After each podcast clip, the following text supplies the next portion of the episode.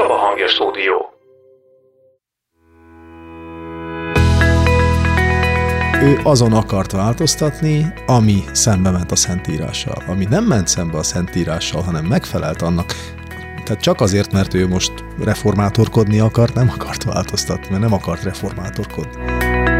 Igenis nemet kell mondani sok-sok olyan dologra, amivel, amivel az Isten nem ért egyet, vagy, vagy ami engem, vagy bennünket nem táplálhat és nagyon nehéz a, a nem mögött megérezni a szeretetet, azt a megtartó erőt, ami valójában az igazság felé próbál terelni.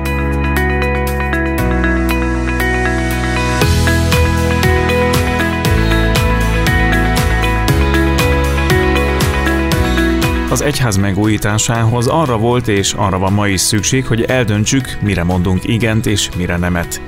Az elutasítás és megerősítés kettősségéhez azonban nagy bölcsességre van szükség, hogy helyesen választhassuk meg, mihez fordulunk oda és mitől határolódunk el mi segíthette ebben több mint 500 éve Luther Mártont, és mi segíthet tájékozódni nekünk 21. századi keresztjéneknek?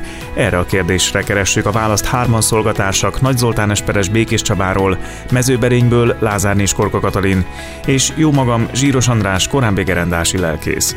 Reformáció ünnepével elkezdjük a harmadik évadunkat. Ez az Erős Vár Podcast.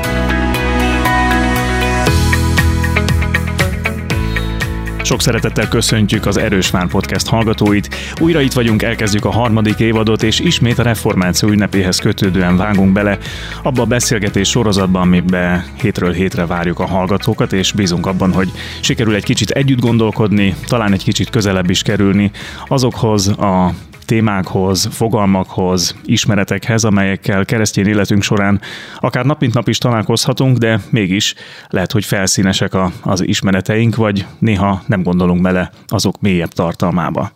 Első alkalommal most a reformációhoz kötődően egy kicsit arra az élethelyzetre próbálunk visszatekinteni, hogy mit is élhetett át a reformátor Luther Márton, amikor megszülethetett szívében az az elhatározás, hogy szembe megy kora egyházával, és azokat a visszáságokat, amelyek amelyeket ő felfedezni vélt az akkori egyház tanításában, megpróbálja visszájára fordítani, helyes útra terelni. Ehhez nyilván neki nemet kellett mondani a bizonyos dolgokra, és ezzel kapcsolatban a mai adásunk témájaként ezt a nemet próbáljuk meg meghatározni, hogy mikor is kell, vagy lehet egyáltalán nemet mondanunk, vagy mikor jó, ha nemet mondunk, és hogyan van ez összefüggésben a reformáció lelkületével, szemléletével, hiszen nagyon sok ponton kapcsolódhat is, illetve fontos, hogy bizonyos dolgokra pedig igent kell mondanunk. Néha könnyű bizony el is tévedni a kettő között, vagy összekeverni a kettőt, és könnyű azt mondani a, arra, amire nemet kellene, hogy igen, és fordítva. Mi segíthet ebben eligazodni, vagy hogyan honnan tudunk egyáltalán bátorságot meríteni ahhoz, hogy valamire nemet mondjunk, hiszen a legtöbb esetben inkább sodor bennünket az ár, és visz magával a tömeg. Én azt gondolom, hogy a reformáció szellemiségéhez nagyon hozzátartozik az, hogy nemet mondunk a tudatlanságra.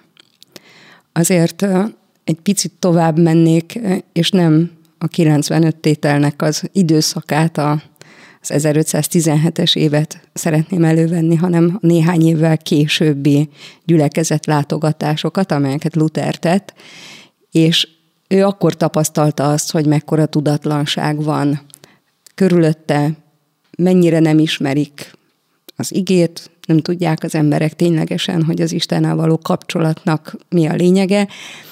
Óriási a babonaság, és ekkor ezt követően írta meg a kiskátéját, ugye, amely arra vonatkozott, hogy hogyan tanítsa a családfő az ő háza népét, a legfontosabb tudnivalókra, mi atyánkra, a hitvallásra, tíz parancsolatra és a szentségekre.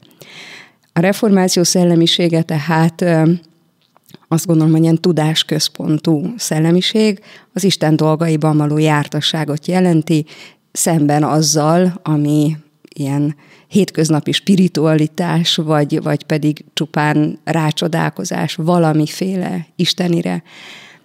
Én innen indulnék ki, hogy nemet mondani arra, ami a tájékozatlanság, nemet mondani arra, ami csupán ilyen homályos tapogatózás, és igent mondani arra, ahogyan ténylegesen meg lehet ismerni az Istent, igent mondani az igére, arra, ahonnan az Isten megismerhető leginkább.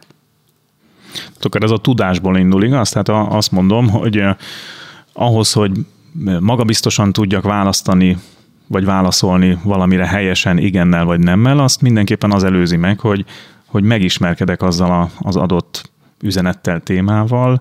Lehet, hogy a kora egyházának Luther idejében ez volt a fő problémája, hogy nem ismerte annyira azt a témát, amivel foglalkozott?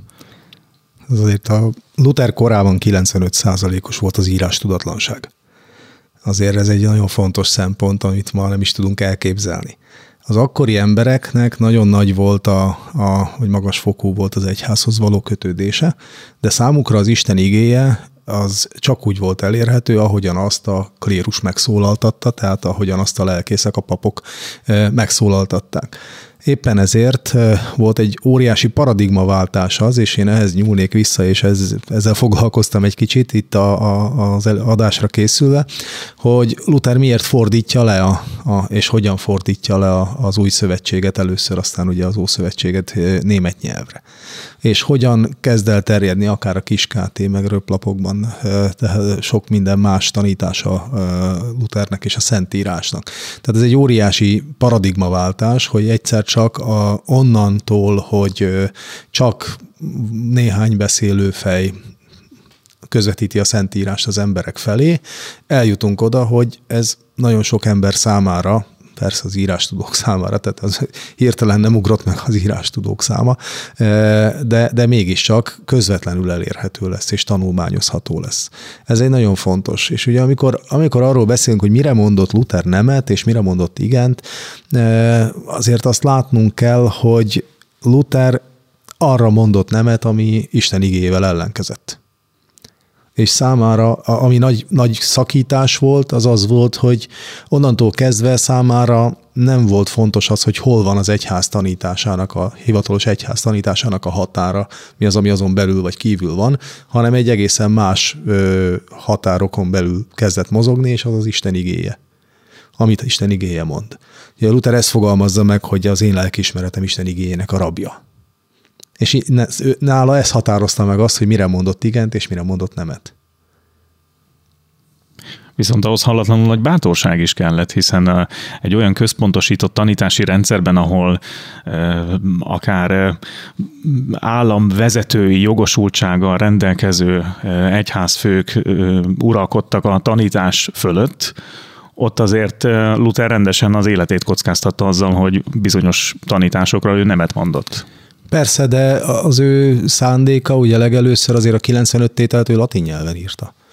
Tehát, hogy ott, ott még nem az volt a célja, a szándéka, hogy a, a egész Németország ismerje, hogy ő mit akart elérni az egyháznál. Magyarán egy szakmai egy, anyag volt. Az egy belső szakmai anyag volt, abszolút, és ő a, a, az akkori egyházat akarta ö, visszatéríteni Isten igéjéhez, és ahhoz a kerethez, amit Isten igéje ad. Ugye mivel erre az akkori egyházban még a régi reflexek működtek, amiről ugye a pár néhány előreformátor életpéldája, akik ugye az inkvizíciónak a gyötrését kénytelenek voltak elszenvedni, és belehaltak ebbe, uh-huh. az azért jól mutatta, hogy, hogy ez hova vezethet. És a, a reflex az ez volt itt is, hogy majd valahogy elnémítjuk, meg kiátkozzuk, meg kitagadjuk, és akkor majd valahogy elcsitul, aztán kezdünk valamit ezzel. Tehát az önreflexió az nem volt azért az akkori egyháznak a eszköztárában Igen. olyan, mint amit használtak volna. Tehát az, ők megmondták, és az úgy volt. Viszont valamiért mégiscsak aztán elindult azon az úton, hogy kijutott a a templom vagy az akadémiai falakon kívülre, és széles körben terjedni kezdtek azok a tanok, amiket bizonyos helyzetekben vagy bizonyos pontokon aztán félre is értettek, vagy aztán további irányzatokra szétszakadt. Lehetne azt is mondani, hogy aztán azok, akik befogadták Luther Márton üzenetét vagy tanait, ők bizonyos dolgokra másra mondtak nemet és másra igent, mint Luther. Volt ilyen, tehát gondoljunk csak a, ott a nem sokkal később kitörő háborúra, ahol ugye a parasztok a nemesek ellen fordultak, vagy, vagy gondoljunk arra, hogy hogy kell Warburg várából visszatérni a Luthernek Wittenbergbe, és ott egy bőti prédikáció sorozatot tartani ahhoz, hogy a városban elindult elégedetlenség, meg, meg, meg lázadás folyamatot kicsit csitítsa, mert hogy azért nyilván sok mindent kihallottak és kiholvastak a, a Szentírásból már akkor az emberek, tehát hogy azért mégis csak szükség volt egy higgadt hangra, aki jól tudta súlyozni egyébként a Szentírásban olvasottakat és a Szentírás tanítását, és azt, azt jól applikálni az akkori ember életére illetve mértéktartónak maradni. Én azt gondolom, hogy Luther a saját teológiájában, a hozzáállásában, most, hogyha ezeket a történelmi helyzeteket nézzük, a reakcióiban is azt képviseli, hogy, hogy nem a szélsőségek embere volt, hanem, hanem ahogyan ő vallotta, ténylegesen lelkiismeretében, lelkületében az ige vezette őt. Gondolhatunk erre ugye, hogy a, a szélsőségek, ahogy már említetted, ott arra vonatkoztak, hogy erőszakosan tegyük meg azt, hogy, hogy mindenki két szín alatt akarjon urvacsorázni. Tehát mindenféle erőszakot elutasított az Isten ügyében, és azt a fajta szelíd, de határozott hangot képviselte, ami azért őt is megszólította. És szerintem ez egy nagyon lényeges dolog, hogy, hogy a reformáció valami olyat hoz elő, ami aztán a későbbiekben is az egyház történetben újra, újra előjön a személyes hitnek az ügyét. És ahol a személyes hit fontossá kezd válni, ott nyilvánvaló, hogy a személyes interpretációk is előjönnek, tehát ahogyan én értelmezek egy szentírási igét, ahogyan számomra jól esik valamit megélni a gyülekezeti közösségben, ami nekem erőt ad egy Isten tisztelet során a közös éneklésben, vagy az Isten dicsőítésben, az most így előre került. És nem arról volt szó a reformációban, hogy, hogy mi az elkötelező, hanem az, hogy az adott egyén számára mi az, ami reménységet és menedéket jelenthet. Gondoljunk arra, hogy, hogy itt azért a személyes üdvösségnek a, az ügye az, ami, ami a központi téma, vagy, vagy a, a, ami bűneinkkel való szembesülés, az mindenkinek a személyes ügye, és ezt nem lehet megspórolni, hogy bizonyos rítusokkal, vagy, vagy éppen a búcsú cédulák kifizetésével akkor majd letudjuk az Istennel való kapcsolatunkban ezt, ezt a dolgot, hogy megspórolhatjuk a, a bűnbánatot, hanem, hanem ez azért egy központi témává válik, hogy én, aki meg szeretnék állni majd az Isten országában, vagy oda akarok kerülni az üdvözültek seregébe, én nekem fontos szembesülni a saját elrontott életemmel, istentelenségemmel, bűneimmel, és nekem ezt oda kell vinni az Isten elé, aki, aki ezzel el tud bánni. Nekem föl kell ismernem az Isten kegyelmét, vagy inkább szebben fogalmazok, és, és helyesebben is azt hiszem, hogy nekem fel szabad ismerni az én megváltómat, aki nekem bűnbocsánatot szerez a kereszten. Tehát a reformáció időszaka az a, a személyes hitnek a, az ügyét karolja fel tulajdonképpen azáltal, hogy megnyitja a lehetőséget mindenki számára, aki olvasni tud, hogy, hogy, hogy saját maga kezdjen el elgondolkodni azon, hogy neki személyesen mi köze van az Istenhez, és milyen útja lehet majd az Isten országába. És még egy, hogy Luthernek azért az alapvető szándéka, bármennyire is szeretjük őt ilyen harcias reformátornak elképzelni, ő csak azon akart változtatni az egyházi életben is, meg az Isten tiszteletben is, ami az Isten igéjével szembe ment. Bár az akkori gyakorlatban és ami nem ment szembe, tehát ami Isten igényének megfelelt, azon nem akart változtatni. Ugye ez egy nagyon fontos különbségtétel a reformáció folytatásában, tehát hogy, hogy kik azok, akik tovább mennek és, és változtatnak, azt mondják, hogy akkor most már mindenem változtatni kell, hogy véletlenül sem mondják azt, hogy mi pont olyanok vagyunk, mint a, mint a korábbi, korábbi egyház. Igen, minél feltűnőbb legyen a különbség. Igen. Látványosabb legyen a különbség, dobáljuk ki az oltárokat, meg az orgonákat a templomból, és a többi. Tehát, hogy Luther ezzel sem tudott egyet érteni. Tehát ő tényleg, ahogy mondja, hogy az ő lelkiismerete a Szentírásnak a rabja, ő, ő azon akart változtatni, ami szembe ment a Szentírással. Ami nem ment szembe a Szentírással, hanem megfelelt annak, tehát csak azért, mert ő most reformátorkodni akart, nem akart változtatni, mert nem akart reformátorkodni. És elmúlt ez szerintetek, vagy, vagy akár még ma is előfordulnak hasonló küzdelmek, vagy hasonló félreértések? Már hogy változtatunk azon is, ami Isten igényének Igen, megfelel. Hogy, és... hogy érzitek még a, akár a mai kor ö, emberének a vívódását is, hogy nehezen tájékozódik, hogy mi az, ami helyes, mi az, ami helytelen?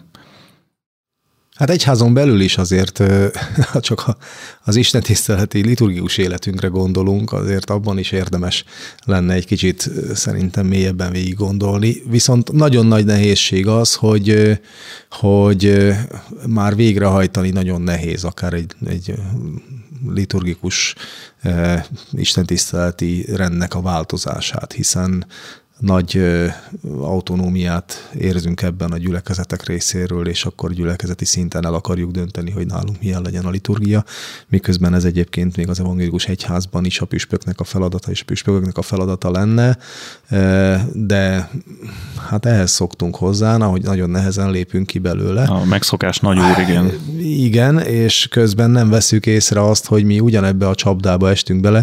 Tehát mi ősi luteránusnak érezzük azt, amit Luther nem tartott magáénak sohasem. Csak mivel mi már egy ilyen luteránus egyházba nőttünk bele, ezért nehéz nekünk elhinni azt, hogy nem ez az ősi luteránus. Uh-huh.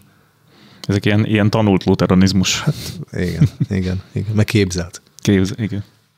Igen, én visszamennék oda, hogy az Isten igéje, mint ami az ő, amihez ő a lelkiismeretét kötötte, mennyire elkötelező napjainkban mert azt kérdezted, András, hogy megvan-e az a ma emberében is, hogy bizonytalankodik, hogy mi a helyes, mi nem helyes, vagy a ma egy házában előkerül ez a téma, hogy mivel szabad azonosulni, és mire kell nemet mondani.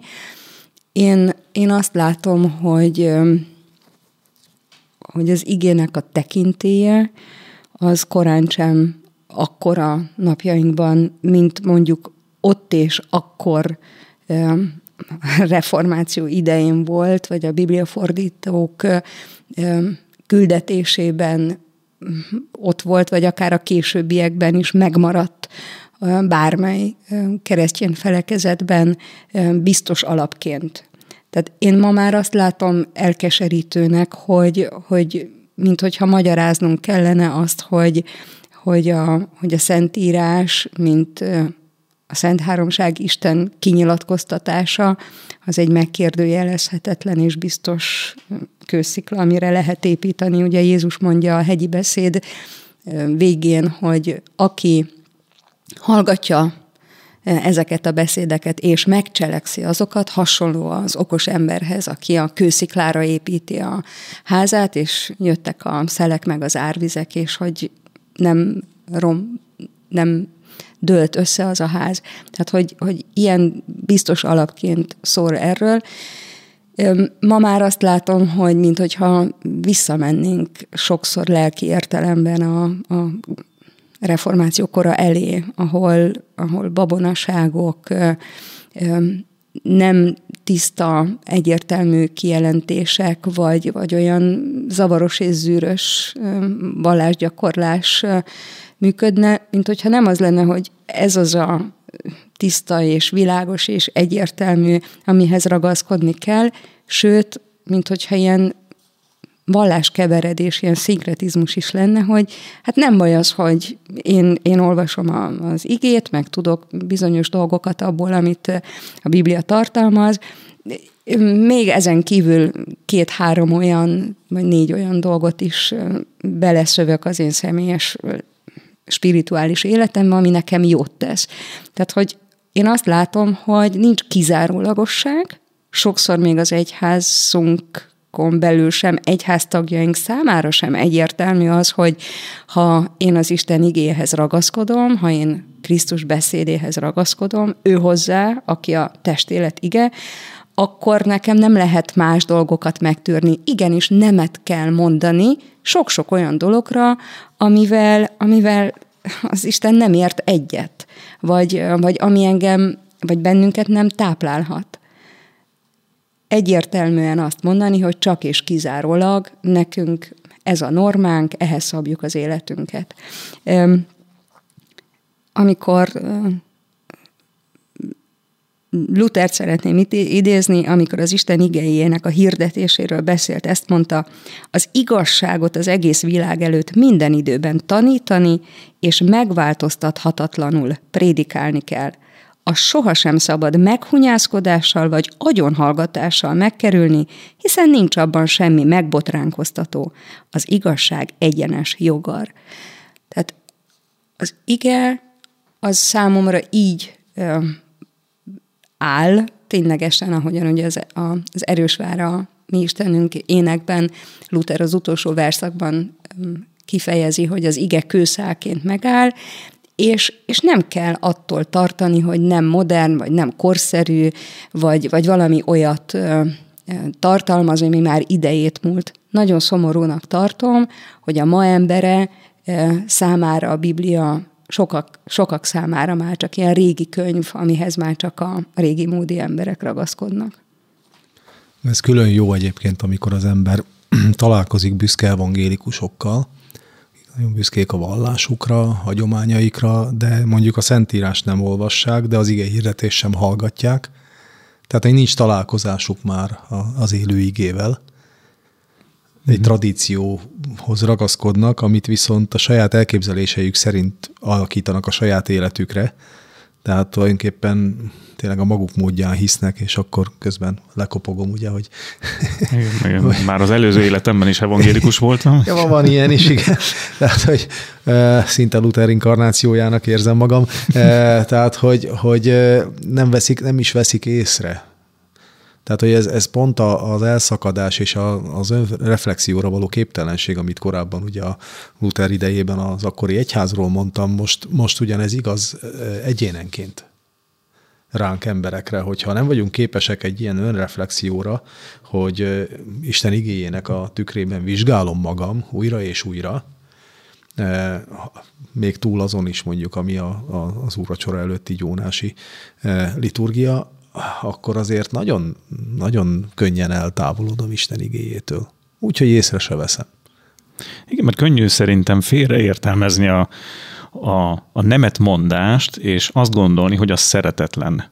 És azt gondolni, hogy a, a befogadó, barátságos, nyitott egyház képéhez, amelyel sokszor azonosítjuk, vagy leírjuk az evangélikus egyházat, ahhoz az tartozik, hogy semmire nem mondunk nemet, hanem minden jöhet nyakló nélkül, és hogyha valaki valamire nemet mond, akkor azt, azt olyan visszautasító, tényleg szeretetlennek érzik, és, és nagyon nehéz a, a nem mögött megérze, megérezni a szeretetet, azt a megtartó erőt, ami valójában az igazság felé próbál terelni.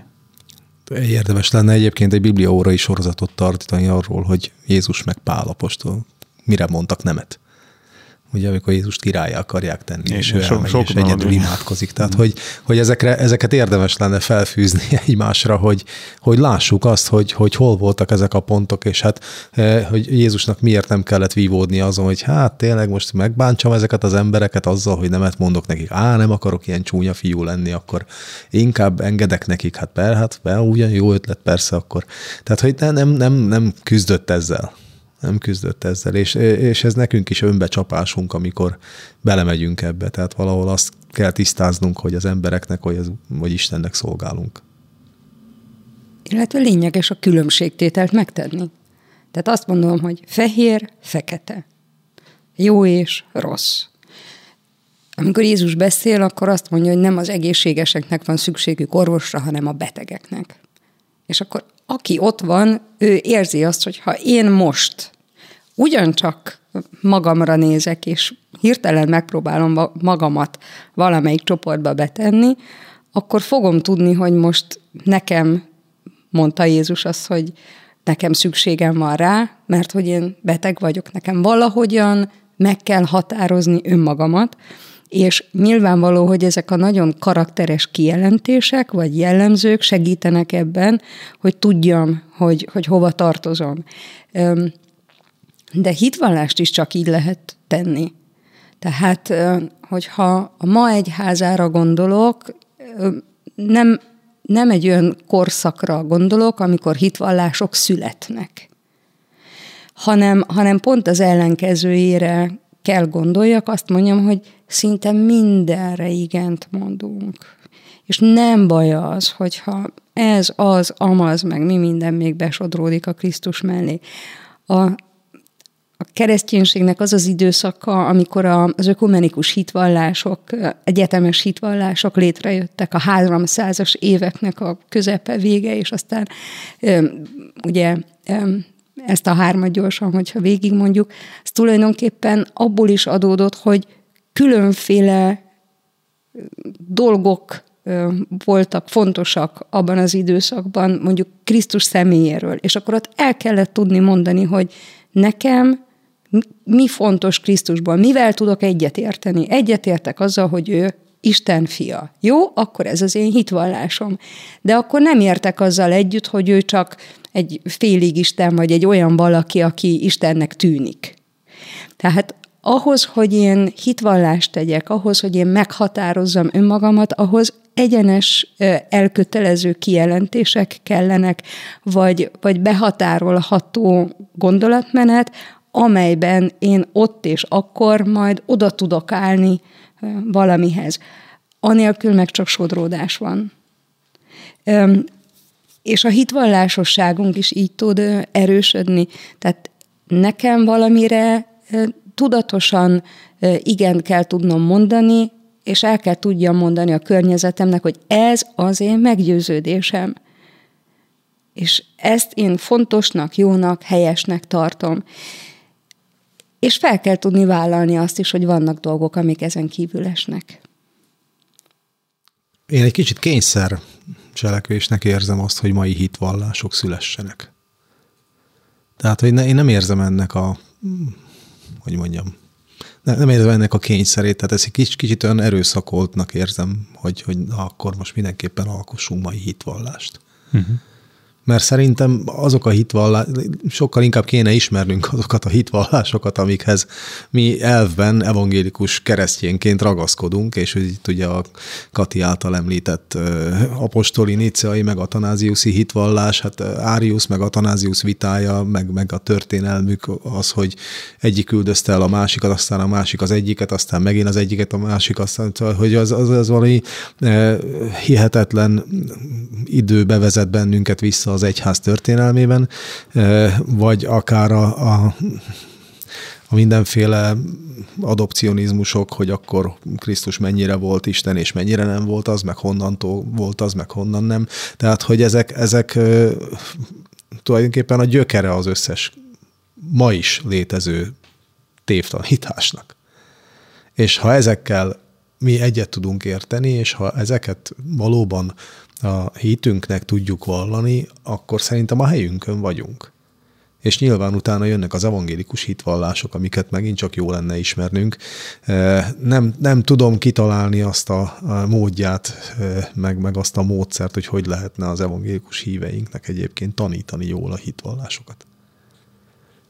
Tehát nem tudom, hogy KT prédikációk kellenének-e, vagy egy idő után azt nagyon megunnák. A Biblia órán ugye nem érjük el ugyanazt a közeget, akit az Isten tiszteleteken, vagy egy szélesebb közeget, de, de szerintem nagyon-nagyon nagy szükség lenne rá.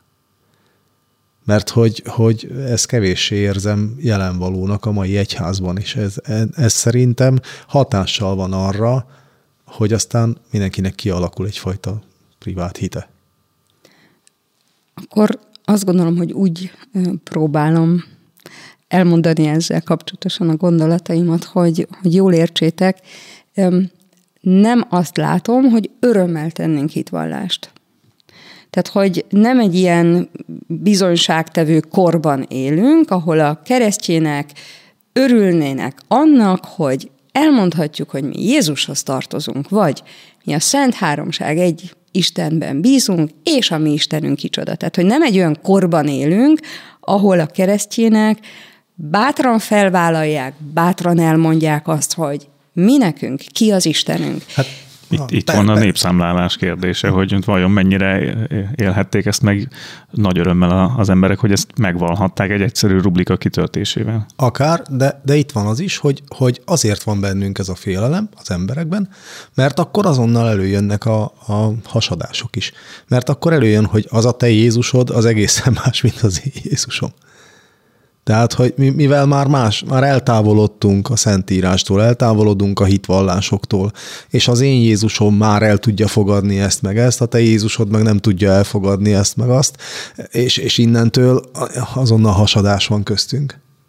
És akkor az, hogy én megvallom a hitemet, tehát igent mondok arra, hogy ismerem az Istent, meg tudom, hogy kicsoda ő, ezek szerint nem egy ilyen bátor kiállásá lesz, hanem valami személyes dologgá, ami nekem fontos, de ezzel azért nem nagyon akarok kihoza, előhozakodni, mert, mert rögtön akkor hirtelen szembe kerülök valakikkel, akiknek másfajta a hitük. Hát ettől szenved szerintem a 21. század, hogy a, hogy a ma keresztjéne nem mer bátran igent mondani a az Istenre, mert, mert rögtön számon kérik, hogy milyen az Istened, vagy, vagy pedig rögtön számon kérik, hogy milyen a te kereszténységed. Hagy idézek megint egy kis Lutert, jó? A ember szíve nem olyan indulatú, hogy ne tudna örülni a vallástételnek. Ellenkezőleg a keresztény ember nagyon örül a hit megvallásának, különben nem lenne keresztény. Hitvallást vagy elkötelező teológiai kijelentést tenni azt jelenti, most nem a szavakkal játszom, hogy valamin kitartóan csüngeni, valamit igenelni és megőrizni, valamiben következetesen megmaradni. Tehát hitvallást tenni azt jelenti, hogy valamit igenelni. Határozottan állásfoglalok, és azt mondom, hogy ez nekem fontos. Ezen csüngök, ezt meg is akarom őrizni, sőt, én ebben meg is akarok maradni. És persze, ami nem divatos a korunkban, hogy ez egy olyan keret, vagy ez egy olyan kerítés, aminek kívül azért sok mindent kizárok, amire azt mondom, hogy ezt már nem.